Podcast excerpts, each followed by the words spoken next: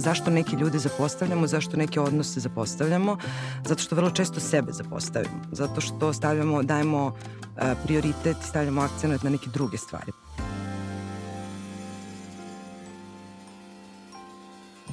Zdravo, dobrodošli u podcast Kako da izgradite dobar život sa Mijom Popić i Ivom Branković, psihoterapeutkinjama u produkciji Velikih priča. Ja sam Ana Mitić, novinarka i urednica u Velikim pričama i Nedeljniku. Danas razgovaramo o tome šta je ključ dobrog života. Nedavno je objavljena najduža i najvažnija studija o sreći i ljudskom životu, a dovela je do jednostavnog ali važnog zaključka. Dobri odnosi vode do zdravlja i sreće. To je Harvardska studija o razvoju odraslih koja je pokazala da postoji snažna korelacija između dubokih veza sa drugima i nečije dobrobiti. Pomislite za trena prijatelja ili člana porodice kojeg baš volite ili cenite, ali ne provodite onoliko vremena sa njim koliko biste želeli. To ne mora da bude vaša najznačajnija veza, već možda osoba koja vam napuni baterije kad ste sa njom ili biste želeli da je više viđate. To su pitanja koja bi vam postavili Robert Waldinger, profesor psihijatrije na Harvardskoj školi medicine i Mark Schultz, pomoćnik rukovodioca Harvardske studije o razvoju odraslih, inače autori ove najduže i najtemeljnije studije o ljudskoj sreći. Uh, Mija Iva, da li ste razmišljali o tome koliko prijatelja imate ili koliko prijatelja ste izgubili sa koliko ste se samo udaljali članova porodice, uh, nekoga od familije, nekim od familije, kumova, može Mija prva. Da, pa evo Iva i ja imamo jednu drugu za početak. Znaš šta, ja mislim da to pitanje, ovaj, pogotovo kad uđeš u 40. apsolutno većina nas sebe postavi I um, kad sam razmišljala šta je to što možda presudi da li je neko ostao u tvom životu ili ne, um, mislim da je tu nekoliko stvari bitno. Prvo, koliko se osjećaš prihvaćeno i bezbedno u tom odnosu i sad kao to je ono najjednostavnije što, što bi mogli ovaj, reći ili negde pročitati. Ali ja mislim da tu ima nešto vrlo konkretno. A to je ko je od tvojih prijatelja te, mislim, zvučat će malo blesavo, ali ko te ostavio na miru da budeš takav kakav si, u smislu da ti ne daju savete. I kad razmislim ko je ostao u mom životu, a ko, ko nije, mislim da je to taj kriterijum. Koliko mi ljudi daju savete onda kada ih ne tražim, jer to često vodi nekom osjećaju postiđenosti, kao da li ja sad vodim ovaj svoj život kako treba. Tako da, da, često razmišljam o tome, ljudi koji, koji imam u svom okruženju s kojima se osjećam bezbedno su oni koji me prihvataju i koji mi ne daju savete ako ja to sama ne tražim, tako da evo to je recimo danas moja najbolja prijateljica Iva. Šta Iva kaže? Pa da, ja moram da se složim s ovim što Mija kaže i mislim da meni se isto dogodilo i ono što su nam nekako pričali kad smo bili mlađi, a nismo to potpuno verovali, zato što smo imali mnogo nešto ljudi oko sebe, da si srećan ako imaš, ne znam, prijatelja, dovoljno prijatelja da ih izbrojiš na prste jedne ruke.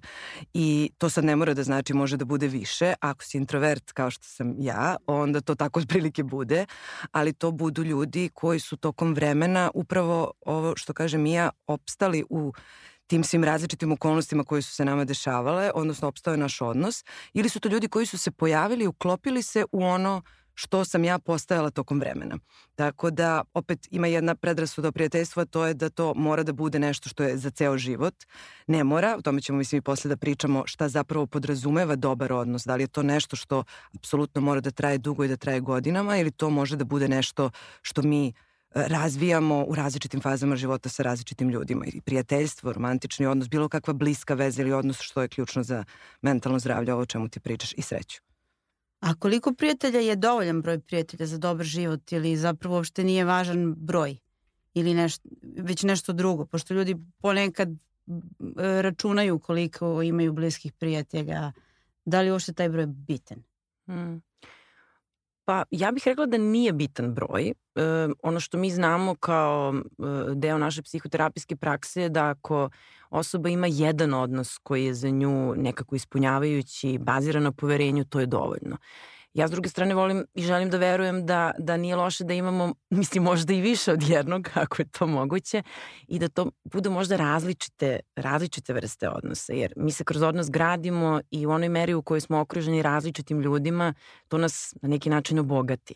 Sećam se da sam čitala negde, mislim da je to bilo na LinkedInu, ne znam baš koliko je ono naučno zasnovana studija, ali da smo mi prosek e, onih osoba, naša, naša ličnost je prosek e, osoba kojima smo okruženi.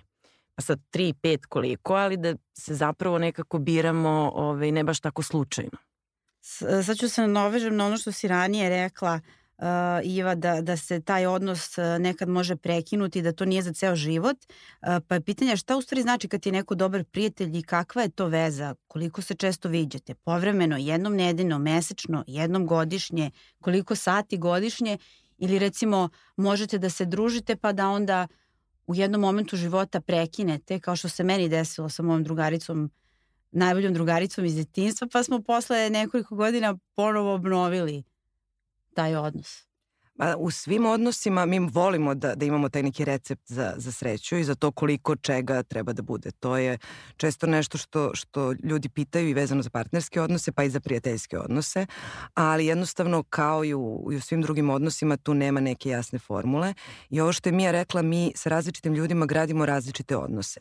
I kao i u partnerskom odnosu i u prijateljstvu ne možemo da očekujemo da od jedne osobe dobijemo sve da to bude naša idealna osoba. A ako ima sreće, to se možda desi, ali vrlo malo verovatno i to može da optereti jel, prijateljstvo ta preveliko očekivanja. E, dobro prijateljstvo je ono koje je zasnovano na zajedničkim, zajedničkom razumevanju onoga šta mi dobijamo od tog odnosa. Znači, važno je da se sa svojim prijateljima dogovorimo šta je ono što nam treba jedni od drugih i kako to razmenjujemo. I onda to stvarno može da bude nešto što neko s kim se viđamo ili čujemo svaki dan sa kim mi radimo i sve razmenjujemo kao što radimo nas dve, a može da bude i neko sa kim se viđamo jednom u šest meseci i opet možemo da razmenimo najintimnije stvari ili i nemamo razmenu na intimnim stvarima, ali imamo uh, razmenu na čemu drugom, o interesovanjima, o poslu, o, o nekom segmentu života, neko sa kim se zabavljamo, neko sa kim idemo na sport. Mislim, to su sve stvari koje ne možemo da imamo u jednoj osobi, potrebno nam je od više ljudi i onda zapravo onaj odgovor na pitanje koliko je tih ljudi je koliko ima tih potreba koje mi zadovoljavamo na različite načine. Da. Neke veze funkcionišu baš zbog toga što nisu prenaporne, ali svi imamo one ljude koje bismo volili da vidimo više. E, zašto nam izgleda da ne provodimo dovoljno vremena sa ljudima do kojih nam je najviše stalo i kako da intenziviramo te veze koje bi oboma značile? Pa ja mislim da, da se to prosto desi iz onog e, autopilota u kome se nađemo i onda jednostavno ne planiramo druženje na način na koji planiramo druge stvari. Dakle, to nam nigde ne stoji u agendi kao što nam možda stoje poslovne obaveze ili neke svakodnevne životne obaveze i onda nekako prođe vreme i prosto ni ne primetimo e, da se sa nekim ko nam je blizak nismo dugo videli. Ja mislim da je to stvarno kao i sve drugo. E, pitanje odluke i organizacije i toga da nam se stvari ne podrazumevaju. Da nam se prijateljstvo ne podrazumeva, nego da ga planiramo i organizujemo kao i sve drugo što nam je u životu važno. Dobro, autori studije kažu da je prvi korak dobro života e, da se pogledamo unutrašnje ogledalo i razmislimo gde smo, sagledamo naše odnose i budemo iskreni prema sebi i poradimo na onim vezama koje nam pomažu da rastemo.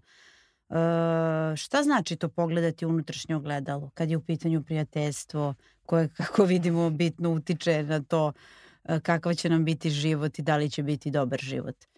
Pa to je to odgovor na to pitanje šta nam je zapravo potrebno, šta je nama, mi se zapravo time vrlo, ne bavimo se time dovoljno, da, da razumemo sebi i da damo sebi dozvolu za to šta nam prija. Tu je negde leži odgovor i na ovo tvoje prethodno pitanje koliko često, zašto neke ljude zapostavljamo, zašto neke odnose zapostavljamo, zato što vrlo često sebe zapostavimo, zato što stavljamo, dajemo prioritet i stavljamo akcenat na neke druge stvari. Vrlo često je to posao i on nam oduzima najviše vremena, pa onda nismo spremni da se angažujemo oko organizacije tog svog društvenog života na onaj način koji koji bismo inače uradili kad bismo zaista brinuli o sebi. Tako da, a onda tu ide osjećaj krivice zato što smo zapostavili neke ljude koji su nam možda važni i onda opet imamo, razvijamo tu dodatno negativnu sliku o sebi. Tako da unutrašnje ogledalo pre svega znači, meni bar to tako deluje, da se pogledamo sa jednim nežnim pogledom i da prosto vidimo šta možemo, kako možemo, šta nam je potrebno i ko su ti ljudi koje treba da kontaktiramo. Jedna tu vrlo korisna stvar su rituali koji su prilično zapostavljeni sada. Jedan dobar način da se neguju odnos odnosi je da im se nekako posvećujemo na, na takav jedan način, da, da znamo kada se viđamo sa nekim ljudima, jer mi kad uvedemo tu vrstu strukture u svoj život, kao što je vežbanje, kao što je zdrava ishrana, to su sve zapravo rutine ili ritualne radnje, tako možemo da se posvetimo i, i dragim ljudima u svom životu, a prvo da vidimo šta nam je zapravo potrebno i koliko nam je potrebno. E, navešću jedan primer iz ove studije koji govori o, o tome kako usamljenost utiče na kvalitet života. Jedan od ispitanika je bio Sterling, to mu naravno nije pravo ime, već pseudonim. I voditelji studije su otišli da provere zbog čega on 1986. godine nije želao da potpiše uh, upitnik. Inače, studija je trajala jako dugo, spomenula sam to 86. godinu. Um, I učesnici studije su popunjavali te upitnike na osnovu čega su procenjivali posle autori studije uh, koliko je dobar njihov život. I ispostavit se da je taj Sterling živeo sam, da sestru za koju je bio vezan nije čuo decenijama, nije znao ni da li je živa, decu nije viđao, unuke nije ni znao dobro, a izgubio je kontakt sa prijateljima. I pazite sad ovo, voditelj studije primetio je e, da se na sigurnosnom pojasu u njegovim kolovima nakupila prešina. Mm. Koliko je taj čovjek bio ustavljen, dakle mm. nigde, nigde nije izlazio ni sa kim se nije viđao i sad je ovde pitanje naravno e, koliko taj faktor usamljenosti utiče na kvalitet života. Da, apsolutno. Mi danas stvarno možemo da pričamo o jednoj epidemiji usamljenosti i mislim da je pandemija tome doprinela. Um, ovaj primer je, je stvarno onako kad, kad zamisliš život tog čoveka to stvarno jeste mnogo ovaj, e, tužno, a mislim da e, posledice tog jednog hroničnog stanja usamljenosti e, danas, i to su nam istraživanja potvrdila, se održavaju i na naše telo. Dakle, nama su prosto veze potrebne. Potrebni su nam odnosi. Mi se gradimo kroz e, odnose i naša dobrobit leži u odnosima. E, ja mislim da ovde možda važno spomenuti, e, ja to nisam znala bukvalno do pre nedelju dana, iako znam za ovu studiju i, i vrlo mi je ona inspirativna, da e, je ona rađena isključivo na muškom uzorku. I to nije ništa neobično. Pre 75 godina na Harvardu uglavnom su studirali muškarci. I mislim da vredi ovde spomenuti tu rodnu dimenziju, jer muškarci su socijalizovani da ne budu previše orijentisani na odnose. I onda je baš zanimljivo da je ova studija pokazala da su odnosi za njih isceljujući i da zapravo ih treba nekako više socijalizovati i usmeriti na ovaj, razmenu, emotivnu razmenu i deljenje.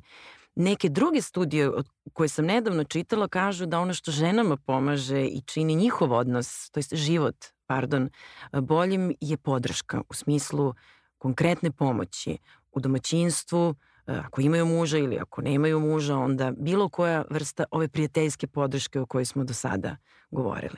Pa da, upravo je sad to ta veza između uh, uh, muškaraca i, i, i žena i zato ova studija važna, zato što govori uh, kako uh, taj kvalitet života koji ima muškarac sa druge strane utiče na ženu, ili tako? Jest. Pa da, da. Naravno, mi smo svi međusobno povezani i, i naša, naša sreća i zadovoljstvo utiče od toga, zavisi zapravo od toga, ali to je jedan važan faktor prijateljstva, odnosno bliskih odnosa koje sad Mija spomenula za žene, a i za muškarce, a to je podrška. A podrška može da bude praktična podrška, emotivna podrška, operativna podrška. Mi smo tu da jedni drugima emocionalna, da, da prosto zadovoljimo uh, da, da, da se nađemo jedni drugima. I to je ono što, što da, zato je studija važna jer nismo učili muškarce ni da traže pomoć, ni da se povezuju preterano, mada oni, ako pogledamo, možda nam to dođe kontraintuitivno, zato što kad gledamo muški svet, oni, uh, muškarci imaju tendenciju da se više druže, da više, da su okrenuti ka spoljnom svetu, ali kvalitet tih odnosa, odnosno građanje dublih odnosa sa pojedincima ili sa svojim porodicama je nešto što je stvar ipak novija. I definitivno nije karakteristika ovih muškaraca koji su bili u studiji. Ja mislim da se to prilično menja i da ovaj, onda na kraju ćemo, da će neka novija istraživanja zapravo da pokažu to, da smo potrebni jedni drugima, da se nađemo jedni drugima i da je to zapravo ključ svake sreće. A da li žene grade dublje odnose ako, ako je Iva sad ovo rekla za muškarce, da li to znači da žene grade mnogo čvršće odnose sa svojim prijateljicama ili bliskim ljudima? Pa, e, znaš šta, šta ja, ja bih rekla da da. Mislim, e, tu se više sad oslanjam i na svoje lično iskustvo i na psihoterapijsko iskustvo. Češće će se desiti da žena kaže da ima neku svoju e, mrežu žena koje, kojima je okružena, nego što to e, vidim kod muškaraca. Sad ne znam Ivo da li bi ti tu nešto dodala. Više je pitanje... Uh, um, kvaliteta razmene u stvari. Mm. Sad kažem kvalitet nije to dobro ili loše, nego je to ono što smo naučeni da je u redu da delimo.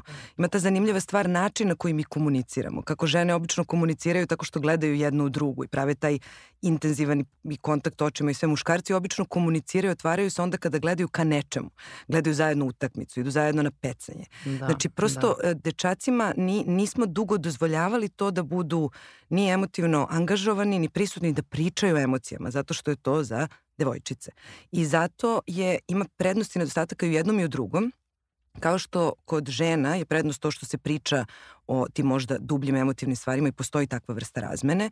S druge strane, e, muškarci često imaju širu socijalnu mrežu, pa imaju više mogućnosti da zapravo organizuju svoj društveni život na taj način. Tako da mislim da je poenta da nekako učimo jedni od drugih, da sad ne bude da, mm. da je mhm. nešto bolje ili lošije, a ovo što jeste karakteristično da u starijem dobu, i tu je ono gde muškarci mogu da imaju problem, onda kada se redukuje ta socijalna mreža, kad nema toliko prilika za, ne znam, neke zabave ili sportove ili te sve aktivnosti, e onda oni mogu da budu u riziku, možda baš kao ovaj ispitanik o kome si ti pričala, da ostanu sami. Da, a kod žena, primećujem kod starijih žena da se one vraćaju tim nekim svojim prijateljicama koje su zapostavile zbog, mm -hmm. ne mhm. znam, e, porodice, dece i tako dalje i kad deca odrastu i tako krenu svojim putem, one kao da obnavljaju te svoje Jest. veze ponovo ih jačaju. To je nešto što mislim da su svi primetili. Jeste. Znaš šta, ima ovde jedan fun fact koji možda vrijedi spomenuti. Mislim, ta studija je stvarno fenomenalna zato što ona pratila uh, te momke od njihove 18. pa narednih 75 godina i pratila je kvalitet odnosa, ali i parametre fizičkog, mentalnog zdravlja, ali i toga kako su oni karijerno napredovali. I meni je bilo prezanimljivo kad sam pročitala da, i sad ja ću to banalizovati, ali stvarno je vrlo naučno utemeljeno. Oni muškarci koji su imali kvalitetnije odnose, tople odnose su zarađivali više. Tako da, Eto, čak tako da i ta emocionalna inteligencija se nešto računa ne, ne, sve više. Ne, se računa da u tom, kako bih rekla, profitabilnom da. smislu. Da. Uh, htjela bih da se sada vratimo na, na priču o usamljenosti i na pandemiju. Mm. Usamljenost je bila ogroman problem mnogim ljudima uh, u pandemiji i šta smo mi naučili, šta možemo da zaključimo iz toga, kako, kako ta usamljenost utiče na kvalitet života. Mm. I šta smo naučili? Evo, pa naučili smo da, da, tu smo se valjda pogledali, pogledali svoje odnose i pogledali sebe u ogledalo i videli uh, kako stvari stoje ko je bio spreman da pogleda, ko nije, on je zažmurio i to su oni ljudi koji sada kažu, ma ništa to nije bilo problem, sve je to sjajno prošlo, ali mislim da će oni tek osetiti posledice. Usamljenost jeste veliki problem, pandemija nam je samo to nekako osvestila, posebno kada kada pričamo o većim gradovima, jer se ona više osetila u takvim sredinama. U manjim sredinama, gde su ljudi više povezani, gde su bili nekako i slobodniji za kretanje i da nastave sa druženjem, to se nije toliko osetilo. A ovde gde mi živimo, kao u Beogradu i u drugim većim gradovima, mi smo jednostavno osvestili život koji živimo, koji zapravo podrazumeva vrlo neke svedene aktivnosti, posao, kuću i ovaj, sad u pandemiji je posao sveden na kuću i onda smo morali da preispitamo šta je to što zapravo mi imamo i sa kim možemo da komuniciramo. Malo nas je podsjetila na to možda kako će to u jednom trutku izgledati, pošto svi mi idemo ka tome da, da ostarimo i da nam se redukuju socijalni kontakti i ukoliko ne radimo na njima, ukoliko ne gradimo tu mrežu, onda to, to može stvarno da bude loše po nas. Tako da iz te perspektive ja volim da vidim nekako pozitivne aspekte svega. Dobro je ako smo primetili negativne uh, aspekte usamljenosti i ako smo malo svestili to da treba da, da malo više negujemo svoje odnose i porodične i prijateljske. I to je nešto što isto mislim da je važno da podvučemo. Mi često pravimo tu razliku i ti si malo pre rekla žene kada im deca odrastu, one se vrate prijateljicama i ponovo uspostavljaju kontakte. Mislim da, da se to menja i da se ta linija između prijatelja društvenog života i porodičnog života pomera i da je zapravo potrebno da imamo sve te stvari odjednom jer moguće je i da imamo porodični život i da negujemo svoja prijateljstva, ne tako što ćemo da se viđamo svaki dan kao pre nego što smo imali porodične obaveze, ali da prosto te stvari treba nekako zajedno da funkcionišu da bismo mogli da imamo te različite odnose koji su nam važni. Dakle, te zdrave ispunjujuće veze su kao neka vrsta društvenog fitnesa, ali potrebna je vežba da bi se održale. Kako se neguju te veze koje su ključ dobrog i srećnog života, jer to je zapravo glavni trik u svemu ovom, zar ne? Mm -hmm. Ovo je baš teško pitanje.